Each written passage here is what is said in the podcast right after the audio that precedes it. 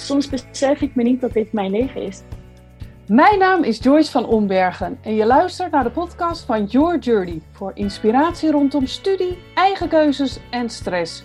In deze aflevering zit ik virtueel op de bank met parttime digital nomad Anouk Hamel. Maar dat het zo belangrijk is om onze dromen na te gaan en dat het zoveel moois kan bieden. Zij werkt de helft van het jaar in Nederland en de andere helft ergens anders in de wereld. Anouk deelt eerlijk haar rollercoasterverhaal rondom haar studiekeuze dat voorafging aan dit droomleven. Met keihard werken en een rotsvast vertrouwen in zichzelf, ondanks dat haar iets anders werd verteld, MBO-studenten, dat het voor hun heel zwaar is, onze opleiding. kan ze nu op haar eigen voorwaarden leven en werken waar ze maar wil. Ik zeg ga er maar weer lekker voor zitten of luister hem onderweg. En laat je inspireren door een enorme doorzetter die enorm dankbaar is voor de kansen die ze zelf creëert, maar vooral ook voor de kansen die haar geboden worden. Veel luisterplezier! Goedemorgen Anouk! Goedemorgen. Ja, dames en heren, ik heb aan de lijn Anouk Hamel. En zij is een deel van het jaar digital nomad, ergens in de wereld. En anderhalf van het jaar werkt ze in Nederland. Welkom Anouk. Ja, hartstikke bedankt. Ik ben blij dat ik hier, uh, dat ik hier mag zijn. Ja, en ik zei het al, goedemorgen, oh nee, uh, of goedemiddag, oh nee, goedemorgen. Want bij jou is het kwart over elf en bij mij is het kwart over vijf 's middags. Dus nogal een tijdsverschil. Ja. ja, zeker. Ja, nee, helemaal niet de klok achteruit gegaan is. Of Precies. vooruit, volgens Vooruit, Ja. vooruit. Ja. ja. Ja. dames en heren, dus Anouk. eh, en je zit op dit moment in de Dominicaanse Republiek. Ja, klopt helemaal. In, eh in cabaretten. Ja, waar het 30 graden is. Heerlijk. Ja. Ik geef heel even tussendoor een kleine disclaimer. Dat is meer voor de luisteraars. Als je merkt dat af en toe de verbinding ietsje wo- wobbly is, dan komt dat eh, ja, omdat jij eh, natuurlijk eh, Dominicaanse Republiek, het internet is daar, nou ja, over het algemeen wel goed, maar hè, soms ietsje minder. Maar het gaat heel Ja. goed tot nu toe, maar mocht er af en toe een hobbel zijn, dan weet iedereen eh, waar dat door komt. Nou, denken luisteraars, hoe doet ze dat? Een half jaar gewoon, ja, ergens in de wereld werken. Nu dan toevallig de Dominicaanse Re- Republiek. En de andere helft in Nederland. Wist jij vroeger al dat je dit zou gaan doen? Ehm, nee, zeker niet. nee, ik heb nooit echt een enig idee gehad wat ik, wat ik wilde gaan doen. Mijn laatste studie is wel, heeft wel met toerisme te maken gehad. Dus ik wist dat ik heel erg veel van reizen hield en dat ik daar iets mee wilde doen. Maar ja, ik heb altijd wel gedroomd dat dit een optie had kunnen zijn om zoveel in het buitenland te zijn. Maar echt, ja, ik had nooit gedacht dat het me ook echt zou lukken om, om dat leven te leiden. Wauw. Ja, ik kan me voorstellen dat mensen luisteren en denken, dat wil ik ook. En Ja. eh, dat vraagt natuurlijk best iets. En eh, ik zou het leuk vinden, Anouk, als je ons even meeneemt in... Ja, hoe ben jij tot je studie gekomen? Want je hebt een studie in toerisme gedaan. Maar neem ons eens mee daarvoor. Hoe ben je tot je keuzes gekomen? Oké, nou, er is een heel lang eh, traject ervoor ge- voor gekomen ook. ik ben begonnen op de middelbare school op eh, BL, basis, in, eh, in Naaldwijk. Toen ben ik daarna, toen ik 16 was, moest ik wel een keuze gaan maken voor de MBO niveau 2 opleiding. En toen ben ik helpende zorg en welzijn gaan doen. Mhm. Ehm, die opleiding duurde anderhalf tot twee jaar, als ik het goed zeg. Eh, toen was ik eigenlijk ook heel erg van plan om de richting in te gaan van het onderwijs. Dus ik heb stage gelopen bij basisscholen, bij kinderdagverblijven. En eigenlijk leek me dat heel erg leuk. Alleen was dan het plan om het uiteindelijk echt te gaan leren voor docent. Dus echt naar het HBO. En dat traject was eigenlijk nog zo lang, want dan moest je eerst onderwijsassistent en ook nog iets op niveau 3. Nou, dat was zo'n oneindig uitzicht dat ik daar eigenlijk ben van afgestapt. Dus ehm, toen ben ik eh, geslaagd op de MBO 2. Toen had ik geen idee wat ik wilde gaan doen. Dus toen ben ik een opleiding gaan zoeken die eigenlijk heel breed is en heel veel basiskennis geeft. Eh, toen ben ik terechtgekomen bij de opleiding Management Assistent in Rotterdam. Dat is een MBO 3 eh, slash MBO 4 opleiding. Mhm. En daar had je de mogelijkheid om niveau 3 over te slaan na het eerste jaar en meteen door te stromen naar niveau 4. Oké. Als het dus goed genoeg ging. Mhm. Ja. Dus nou, ik vond dat fantastisch, want ik dacht, nou, dan kan ik misschien hè, alles laten zien wat ik heb. Uh, kan ik voor drie overslaan? Kan ik niet voor vier doen? En kan ik daarna, wie weet, nog naar het HBO om echt te doen wat ik echt wil? Nou, dat ging eigenlijk zo goed dat ik MBO 3 mocht ik uiteindelijk overslaan. MBO 4 heb ik versneld traject gedaan. Dus ik deed uh, opleiding drie jaar afgerond. Um, ja, en toen doe ik nou echt? Want dit waren allemaal wel leuke opleidingen, maar het is niet, ik zie mezelf nou niet echt als een secretaresse uh, voor de rest van mijn leven werken. Ik wil veel meer, ik wil veel meer uit het leven halen dan alleen maar op kantoor zitten en, en telefoontjes opnemen en dat soort dingen. Want zo zag ik dat dan heel erg voor me. Ik weet dat het veel meer is dan dat natuurlijk. Mhm, het stereotype. um, precies, ja. Uh, dus ik, ja, ik heb heel veel, heel veel opleidingen en open dagen bezocht. Um, geïnteresseerd geweest in journalistiek, in communicatie. En toen uiteindelijk kwam ik bij de opleiding International Tourism Management. En uh, toen ben ik naar de open dag gegaan. En toen hebben ze mij gevraagd, oké, wat zijn je vooropleidingen? En toen heb ik gezegd, oké, ik kom van MBO 2, maar ik heb nu MBO 4 afgerond. Uh, dus ik ga nu ook gaan proberen om HBO te gaan doen. En toen werd me eigenlijk verteld dat dat onmogelijk was. Mm. Uh, ja, en ik weet niet, ik kan me ook niet herinneren meer wie dat zijn, want ja, je kent ze natuurlijk nog helemaal niet, maar een docent daar of iemand die er werkt, die vertelde van, hè, MBO-studenten, dat het voor hun heel zwaar is, onze opleiding. En dat, dat zeggen we al tegen MBO 4-studenten, maar als je helemaal van MBO 2 komt, ja, dan is het gewoon, het slagingsproces is gewoon best wel laag. Oké. Ging ik naar huis en, ik, en een vriendinnetje van mij was mee en ik zei tegen haar in de auto, ik zeg, ja, wat moet ik nou doen? Want het, zeg maar, heel die opleiding klinkt fantastisch. Je gaat veel reizen, je gaat heel veel leren, je gaat management leren, dus alles een beetje. En daardoor kan je eh, best in veel verschillende ja, sectoren aan de slag. Want het is dan wel een toerismeopleiding, maar het is eigenlijk toch voornamelijk management.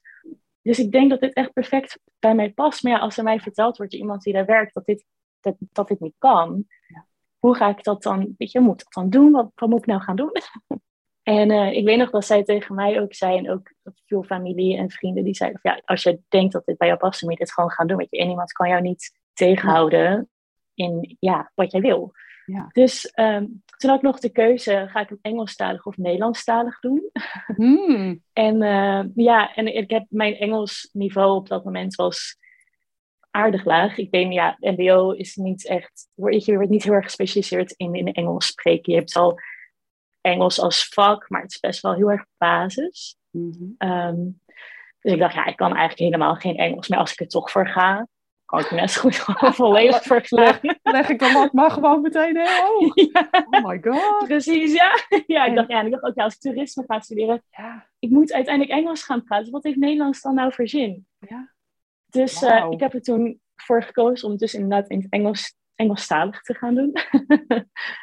Wat echt ontzettend zwaar geweest is. Het eerste half jaar van die opleiding. Ja, ik, ik snapte er helemaal niks van wat er verteld werd. alles, alles wat ik las of wat er verteld werd in, in colleges of in lessen, ging ik vertalen. Of moest ik vragen aan, aan studiegenootjes wat het betekende. Of als ik dan een vraag had, dan kon ik het niet eens vragen, omdat ik zeg maar niet wist hoe ik het moest vragen in het Engels. Nou, en, en alle tentamens, het sloeg, ik, ik zakte voor alles. Ik had overal alleen maar tweeën en drieën. En mm. Toen ging ik eigenlijk een soort van inzien van, oké, misschien had deze, deze vrouw toch wel gelijk. En is dit veel te hoog gegrepen? En waarom heb ik het nou ook in het Engels gedaan? Waarom moet ik nou zo hoog die dat meteen gaan leggen voor mezelf? Toen, ik heb, ja, het is weer, je hebt op deze opleiding heb je elke zes weken heb je tentamenweek met drie tentamens. En het eerste half jaar heb je dan nog geen herkansingen. En dan na een half jaar ga je alles herkansen wat je dus in het eerste half jaar hebt uh, gefaald. Mhm. Nou, dat was bij mij alles op twee na. Wauw, ja. Ja, dus nou, ik leren voor die tentamens. Op een gegeven moment zeg tegen, mijn, tegen mijn ouders, ik zeg, ja, waarom doe ik dit nou? zeg, maar ik weet toch wel dat ik het niet ga. Als ik nu voor alles een drie en een vier heb gehaald, hoe kan het dat ik dan nu al deze, ik weet niet precies hoeveel het waren, twaalf, twaalf herkansingen, hoe kan ik dit nou allemaal gaan halen? En daarnaast wist ik ook gewoon niet hoe ik moest leren. Op MBO en hmm. op de middelbare school is alles best wel makkelijk, is me best wel makkelijk afgegaan. En moest je gewoon leren wat je letterlijk in de les kreeg. Maar het HBO is natuurlijk zo anders. Je krijgt gewoon een boek en je krijgt colleges en lessen. En dan moet je dat, ja, dan moet je maar zelf uitzoeken wat je gaat, weet je, wat, wat jij denkt dat er in de, in de examens en in de tentamens gaat komen. Dus ik was continu dat hele boek aan het leren van 600 pagina's. Wat natuurlijk gewoon niet haalbaar is. Nee. En ik wist ook niet hoe ik het moest leren. Hoe moet, dan, dan maak ik er een samenvatting van. Maar dan was mijn samenvatting uiteindelijk ook nog 200 pagina's, waarvan ik dan weer een samenvatting maakte. En dan weer, en dan heb je eigenlijk ook weer geen tijd om te leren. Dan zag iedereen omheen, die leerde alleen maar het weekend ervoor. En die haalden het allemaal. En nou, dat was natuurlijk super demotiverend. En toen ben ik uiteindelijk heb ik, nou, allemaal dingen al gezocht van oké, misschien kan ik iets anders gaan doen. Misschien ga ik dan au pair ergens worden in Australië of Amerika. Ik heb andere opleidingen in de tussentijd gezocht. En ik had eigenlijk al opgegeven. En ik denk dat dat hetgeen was wat ik een soort van moest doen. Ik denk dat ik het heel erg moest loslaten. En Eh, ik ben gaan leren wat er in de colleges werd gegeven. Ik ben gaan leren wat er in de lessen werd verteld. En die onderwerpen ben ik dan dieper op ingegaan uit het boek. En toen haalde ik ineens alles. Fantastisch. En ik was echt in shock. ja. ja, ja, Ik wist, eh, ja, ik wist niet wat me overkwam. nee. ik heb echt denk nog nooit zoveel geld als in dat jaar. Van geluk en van verdriet en Ja. van stress en van blijdschap. En. Echt elke keer weer ook als er dan weer cijfers online kwamen, zat ik met mijn moeder hand in hand, met mijn computer voor mijn neus. Van, oh, wat zal het dit keer zijn? Gaan we het helemaal geluk of gaan we weer... eh, Ja, en ik weet nog, het, eh, want je mocht op deze opleiding mag je, als ik het goed zeg, mocht je één normaal vak mocht je zakken en dan één taal, één toets, zeg maar. Van alle toetsen die je had. En als je dat dus niet had, dan, dan moest je eigenlijk van de opleiding af. Of dan konden ze misschien nog iets bedenken waardoor je toch nog door zou kunnen gaan. Maar toen had ik dus de week voor de zomervakantie had ik nog twee jaar kansingen. En dat ging dus bepalen of ik door mocht naar het volgende jaar. Of ik nog op de ging halen ik was aan het werk op dat moment, dat dit cijfer dus ergens die dag online zou komen. En ik, ja, ik kon niet meer werken. Ik ben naar huis gegaan en ik zeg, ik kan gewoon niet, ik ben zo zenuwachtig. ja, En ja. toen, eh, toen, toen ben ik met mijn moeder meegaan, ging naar de tandarts. En we zaten in de auto en ik kreeg berichtjes van vriendinnetjes van, eh, het cijfer staat erop. En toen mijn moeder in de Oh. auto bij de tandarts. Help. ja, en eh, ik zeg, mam, kijk jij maar. En toen was het dus, ja, ik weet niet meer wat het was, maar het was een voldoende. Nou, en we hebben echt, ik ben nog nooit zo gelukkig geweest als op dat Ach. moment. Fantastisch. Gillen van blijdschap. Ja, ja, ja. Ja, huilen samen. En, Ja. Want iedereen zei ook, als je het eerste jaar haalt, Ja. dan komt het wel goed. Dan komt het wel goed. Maar wat een rollercoaster, Anouk. Ja, Ongelooflijk. Ja, dit is echt normaal. niet normaal. En wat heb je jezelf aangedaan en gechallenged? Bijzonder. Ja. Ja, ja Och. zeker. ja. En als je nu terugkijkt, denk je dan, ja, zo moest het gaan? Of zou je dingen anders doen?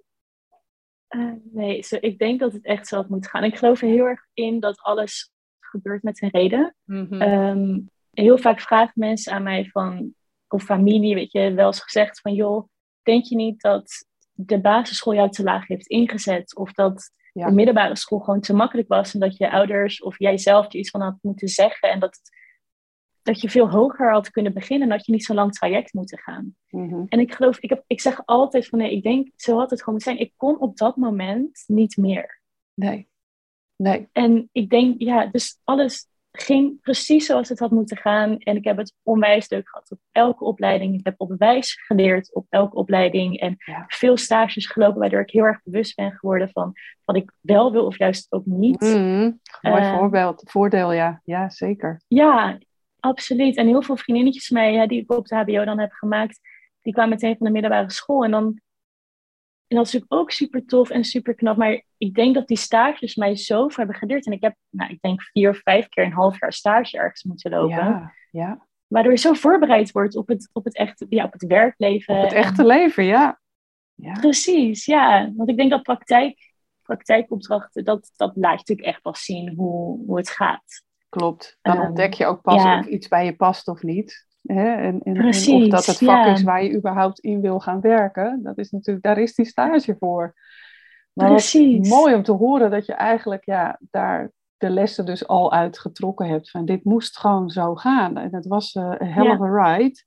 En eh, best Ja. een lange tijd. Want ja, hoe lang hebben we het over? Eh, De tijdspanne van zeg maar MBO 2 tot en met eind van je studie. Hoeveel nou, jaar ik hebben was we 16 op MBO 2. Ja. En ik ben nu 24. Ja. Dus ja, acht, acht jaar ongeveer heb ik erover gedaan. En dat valt dan nog wel mee. Want ja, weet je, als ik MBO 3 had moeten doen, dan was je ook weer Ja. een jaar of twee verder. En MBO 4 is eigenlijk normaal was het ook een vier jaar opleiding. Maar omdat Ja. allemaal gewoon uh, ja, snel gegaan is, ben ik alsnog, vind ik zelf, super jong. En kan, heb ik nog steeds de hele wereld, heel het leven voor me, zeg maar. Nou, en letterlijk de hele wereld. Hè? Ongelooflijk. Ja, Wat mooi zeg. Ja, want hoe zit dat? Want over internet gesproken, als je natuurlijk als hè, digital nomad werkt, dan ben je ontzettend afhankelijk van het internet. Dus als wij vanuit je laatste studie kijken naar, ja, hoe is het gekomen dat je daar die stap hebt gemaakt naar online werken deels? Oké, nou, dit was ook helemaal niet gepland eigenlijk. ik ben uh, twee jaar geleden ben ik begonnen als zomerbaantje bij een strandtentje. Ehm, en ik weet dat ik daar binnen kwam lopen en dat ik na mijn eerste dag zei ik tegen mijn ouders, ik zei, het voelt alsof ik thuis kwam. Het is hmm. zo'n fijn gevoel om daar te zijn en de mensen die er werkten en de mensen die er kwamen, het is alsof ik hier hoor. Zo, dat, dat was na de eerste werkdag. En ik, ik zei, ik heb nog nooit dit gevoel meegemaakt, maar het is gewoon een soort, ja, ik hoor hier gewoon te zijn. Ja. Ehm, en toen heb ik daar dus twee zomers gewoon gewerkt in de bediening. Uh, en dan vorige zomer heb ik dan ook wat meer taken op me genomen, want ik was afgestudeerd en ik wilde dan nog even een zomer daar blijven, zodat ik daarna op zoek kon gaan naar, nou, tussen aanhalingstekens, een echte baan. ja. um, en toen ben ik wat iets meer taken daar genomen, ben evenementen gaan organiseren um, en iets meer administratieve taken op me gaan nemen, social media en dat soort dingen. Toen ben ik, nou, in oktober gaat het dan dicht, want we zijn altijd in de winters dan dicht. En toen dacht ik, nou, ik vind dat ik een paar maanden gewoon, ik ga nu twee maanden, ga ik even op reis en ik wil dan vrij. Ik wil niet weer denken aan werk. Ik heb hard gewerkt nu. Ik heb hard gestudeerd, vier jaar, dus ik wil nu twee maanden alleen maar uh, vrijheid en doen wat ik echt wil doen. Um, ook omdat in eind augustus is een van de meest belangrijke personen in mijn leven is overleden. Dus ik moest gewoon even weg. En ik, hij hield ook heel erg van reizen. En ja, dat was echt mijn voorbeeld. Dus ik, ik wist ook van, nou, ik, ga, ik ga gewoon weg. Ik, moet, ik ga dit gewoon doen. En dan zie ik wel wat op mijn pad komt. Ja. En um, ik was eigenlijk van plan om eerst naar India te gaan. Nou, dat kon niet door corona. Toen wilde ik naar Australië. Dat kon ook niet door corona. En uh, toen zei een vriendinnetje van mij, die zegt...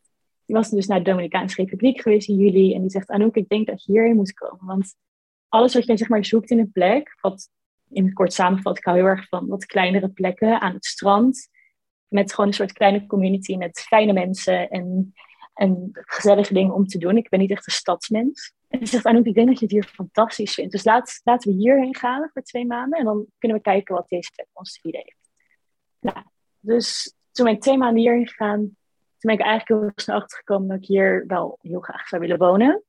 Ja. Ehm, maar goed, dan heb, ik, heb je een baan nodig. Ja. Want ja, je hebt geld nodig om je huur te betalen en alles te doen wat je, wat je wil doen. Um, dus dan ben ik weer gaan zoeken online naar allemaal banen in het toerisme. Wat ik dus online zou kunnen doen. Want ik wilde eigenlijk dus een Nederlands bedrijf.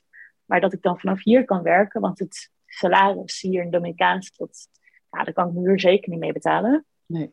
Dus ik ben, en toen ben ik verschillende sollicitatiegesprekken geweest. Maar het was het toch gewoon allemaal niet. Het was allemaal niet mijn ding. En ik wist dat ik daar niet mijn creativiteit in kon uiten. Of, ja, het voelde gewoon niet goed. En ehm, toen ben ik weer in de praat geraakt met de eigenares van de strandtent. En toen hebben we, heeft zij mij een soort aanbod gegeven dat ik, uh, als ik terugkom in de zomermaanden, dat ik dan de wintermaanden online mag blijven werken. Dus dat ik online de administratie blijf doen, social media, de evenementen organiseer voor het komende seizoen, personeelzaken regel. Als ik dat allemaal ga doen in de winter, waar ik overal op de wereld waar ik ook maar wil, als ik dan in de zomer daar ben op de locatie, ja. Ehm, dat, dat, dan, dat we dan een deal hadden. Nou, en toen dacht ik, ja, hoezo zou ik dit niet aannemen? Ja. Dit is alles wat ik wil. Een droom, een droom. ja, precies. En ik ja, dus ja, het is niet normaal. Ik ben, soms besef ik me niet dat dit mijn leven is. Dat ik zoveel geluk heb. En ik ben zo dankbaar dat, dat dit kan. En dat zij mij dit biedt. En ja dat ik zo ver ben gekomen dat ik dit ook kan, letterlijk. Letterlijk, ja. Ja, en, en je zei eerder al, ik geloof dat alles wel uh, een bedoeling heeft, hè? En, uh, niet erg in toeval. Past dit ook in het rijtje? Heb je het misschien afgedwongen? Ik denk het wel. Ja. Ja.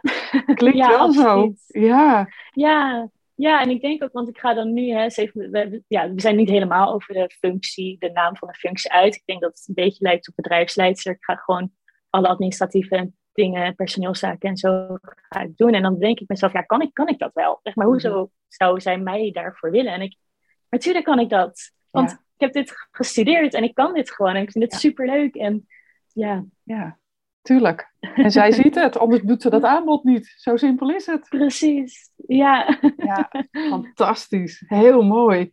En hoe werkt het in de praktijk? Want ik kan me ook voorstellen dat er mensen luisteren en denken... Oké, we hebben het begin gehad over het tijdsverschil. En dan doe jij dus uh, personeelsmanagement en van alles regelen. Hoe, hoe werkt dat met zo'n tijdsverschil? Ja, nou, ik moet zeggen dat ik wel heel veel geluk heb met dat... Uh, nou, de eigenaresse van, van het strandtentje heel flexibel en heel relaxed is. Um, dus ik werk gewoon normale tijden, dus 9 tot 5 of nou, gewoon normaal op de dag. En omdat wij dus zo relaxed zijn als bedrijf zijnde, hebben we ook niet. Weet je, als ik mensen bel voor sollicitaties of dat soort dingen, ja, is gewoon prima als dat voor hun s'avonds ja. om 8 uur is, bijvoorbeeld. Ja. Dus ik, het is niet zo, want er zijn genoeg mensen hier die werken online en die moeten om vijf uur of om vier uur bij een meeting zitten. Nou, dat, weet je, dat heb je niet, want ik regel zelf gewoon alles. Dus ik heb gewoon eigen taak wat ik aan het doen ben. En dat maakt niet uit of dat om twaalf uur s'nachts Nederlandse tijd gebeurt of om drie uur s middags. Ja, en, en stel dat dat wel zo zou zijn, hè? Dat, dat je af en toe zou, net als uh, mensen die jij in je omgeving hebt, uh, uh, dat wel s s'nachts zou moeten doen, zou je dan zeggen, nou, maar dat heb ik er even goed voor over. Ja, absoluut. Ja. Ja, zonder twijfel zou ik dat ook doen. Ja, ja, ja mooi. Ja, en, en, en ja, ik zeg altijd, takes two to tango. Dus ook tussen werkgever en werknemer. Nou, ik uh, ben zelf natuurlijk ook werkgever, zoals je weet. Dus uh, ik ken deze situatie natuurlijk ook. Ja, en daar zitten de, de uitdagingen in. En het is fantastisch als het kan en als het werkt. En het werkt. Uh, maar het vraagt ook een hele goede afstemming onderling. Dus nou, misschien zijn er, wat je zegt, ik heb mazzel, hele relaxte uh, werkgever. Heb je daar ook tips in dat als iemand zo gaat werken, van, nou, daar moet je op letten, want dit is extra belangrijk als je op afstand werkt. Want ik kan me voorstellen dat je ook dingen mist. Hè? En dat ziet in de praktijk ook. Je bent onderdeel van een team, maar ja, je bent niet letterlijk uh, aanwezig in het team. Dus je mist ook dingen. Absoluut, ja. Ik denk dat het wel het verschil is bij mij dat we in de winter dicht zijn. Ja, dus zij zijn nu al wel, ja, zij zijn nu wel begonnen uh, hè, met het opbouwen en, en het klaarmaken van de zaak voor het volgende seizoen. En natuurlijk, en dan zie je foto's en video's voorbij komen van, van je collega's die keihard aan het werk zijn. En dan denk ik, oh, dat ik daar nou niet bij moet zijn. Vooral met de functie die ik dan nu heb, dan voel je toch een soort van verantwoordelijk of voel je lullig tegenover hun dat zij daar dan in Nederland in de kou aan het scheppen zijn. Terwijl ik hier achter een computertje zit in de 30 graden. Ja. Weet je wel? Dus ja. ja, maar ik denk, ik, vooral als het zeg maar wel een, ehm, een bedrijf is wat gewoon heel het jaar door, doorgaat en, um, en je dus niet in teamsverband aan het werk bent. Ik denk dat het vooral gewoon heel belangrijk is dat je doet wat je echt leuk vindt en met, met passie en waar je passie voor hebt. En dan maakt het ook niet zo heel erg uit of je inderdaad om vijf uur moet opstaan of om zeven uur. Of dat je eh, wel eens iets moet doen voor anderen wat je iets minder leuk vindt misschien, maar puur omdat jij, dat zijn bijvoorbeeld taken die je niet op de dag hoeft te doen, voor de Nederlandse tijd bijvoorbeeld. Ja. Maar dat zijn dan taken die je niet uitmaakt qua tijd. Dus dat kunnen misschien wat minder leukere taken zijn, maar als dat betekent dat jij op een plek kan zitten mhm. waar je heel graag bent, ja. dan is dat het in mijn ogen gewoon heel erg waard. Ja. En ik denk ook dat je het altijd bespreekbaar moet maken. Precies dat. Ik, hè, communicatie is key vind ik altijd. Uh, spreek je uit, uh, heb tijdig overleg met elkaar. Zo doen wij het ook in het team. Hè, dat je gewoon ook aangeeft van, goh, hè, kunnen we even bellen of weer een keer video bellen. En dat levert natuurlijk ook hilarische situaties op. En zoals wij nu net online gingen, dat jij in je korte, korte broek zit en uh, ik zit met de sjaal om. Ja, dat gebeurt ook. Ja. Maar dat is juist grappig. weet je? Dat je dan ziet van, oh, dit is jouw wereld, dit is de mijne. En ja, dan is er ook meteen uh, begrip over hem weer. Ja, spreek je uit, dat is een hele belangrijke tip. Zeker weten. Ja, mooi. Over tips gesproken, Anouk. Heb jij uh, boekentips of podcasts of documentaire tips? Dingen waarvan je zegt, nou, die hebben op mijn leven impact gemaakt. Die wil ik graag delen met de luisteraars ook, ik hou heel erg van lezen. Mm dus ik, ik, ik ben niet per se van, uh, ja, van, van eigenlijk kijk ik nooit zoveel documentaires en, of luister ik naar podcasts.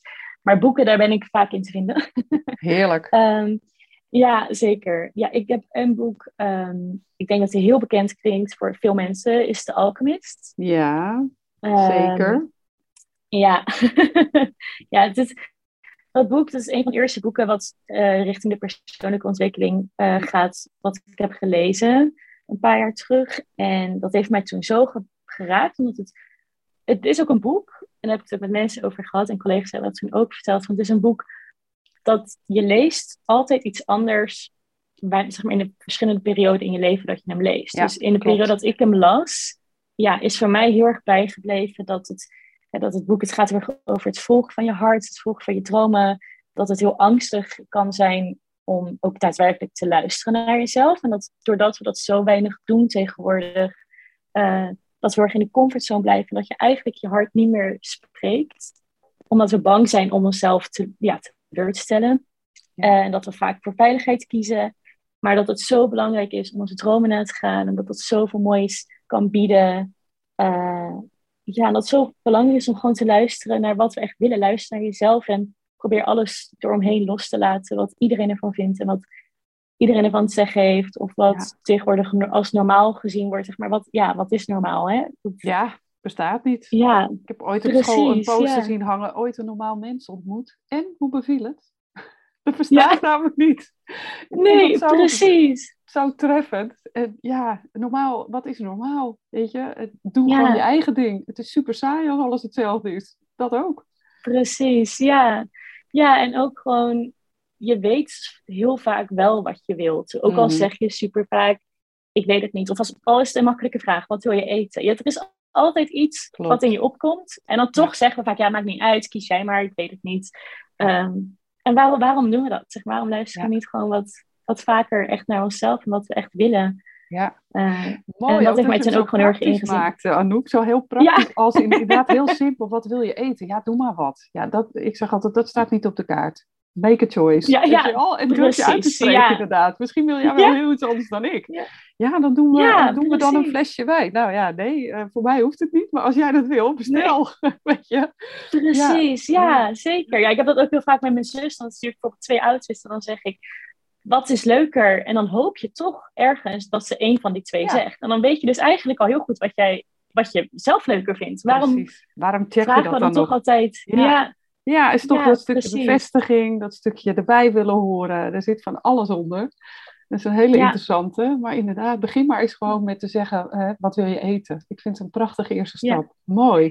ja, de Alchemist, hij staat al in onze boekentipslijst op de website. Dus uh, leuk dat jij hem ook noemt. Okay. Ook één van mijn favorites. Ik heb hem al drie keer gelezen, of misschien al vaker. Dus tof. En zijn er meer boeken? Um, ja, ik had er nog eentje, die heb ik eigenlijk heel recent gelezen. Um, ik kan iedereen aan het aanraden op het moment. Oké. Ehm, dat is um, de, van dezelfde schrijver als de Four Agreements. En ik denk dat die ook wel bekend is bij veel mensen. hij heet The Mastery of Love. Oké. en dat gaat eigenlijk heel erg over uh, zelfliefde en liefde naar anderen toe.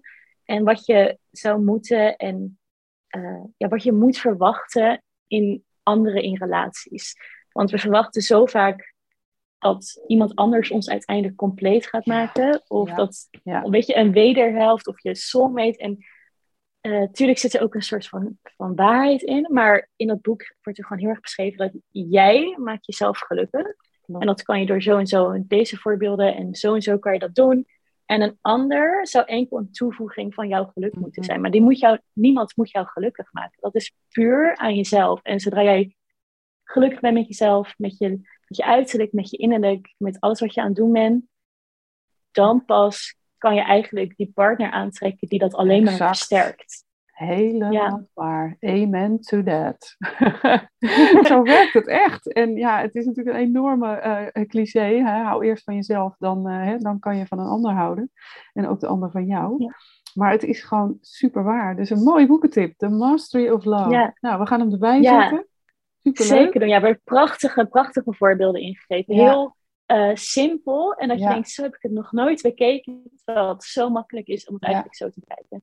Gaaf. nou, we gaan hem erbij zetten. Superleuk. Het enige wat ik wil meegeven met zo'n podcast als dit, is ook de eerste keer dat ik zoiets doe, ehm, is ja, dat het dat iedereen, het maar even het Engels doen, you're capable of anything. Iedereen kan doen wat je wil, uh, als je maar gewoon in jezelf gelooft. En ik denk ook dat het niet uitmaakt waar je bent ehm, of, of in welke situatie je zit. Maar als je terugkijkt uiteindelijk op je leven, is het enige wat telt is, ehm, heb je je tijd besteed aan hetgeen wat je het allerliefste doet en met de mensen van je houdt en was je gelukkig. Uh, Heb je het meeste uit dit prachtige leven gehaald en heb je het, alles losgelaten wat je tegenhield. Het is zo, leven is te kostbaar om het, om het te gaan verspillen door dingen te doen die ons niet gelukkig maakt. En ik denk dat dat zo belangrijk is om altijd bij te leven. Het leven is zo kort. Ja, en de wereld is zo mooi en groot. Een hele mooie boodschap aan onze luisteraars. Dank je wel. ja. Zijn er... Jij ook heel erg bedankt. Ja, dank je wel voor dit prachtige gesprek, Anouk. Leuk. Heel veel. Onwijs bedankt. Hiermee kom ik aan het eind van deze aflevering. Heb je een vraag? Je vindt me op Instagram via yourjourney.a. Ik vind het leuk om daar met je te connecten en jouw vragen te beantwoorden. Anouk vind je op Instagram via Anouk Hamel. En dat is met O-U-K. Kun jij wel wat hulp gebruiken bij het maken van keuzes rondom studiewerk of tussenjaar? Of wil je leren dealen met stress in plaats van er tegen te vechten? Ga dan naar yourjourney.academy en download mijn gratis videoserie of 30 tips tegen stress. Wil je geen aflevering meer missen? Abonneer je dan op deze podcast. En ken je iemand voor wie deze aflevering interessant is? Deel hem dan via je socials. Een eerlijke review ontvang ik graag via Apple Podcast. Hiermee help je mij om nog meer jongeren te bereiken. Bedankt voor het luisteren en tot de volgende keer.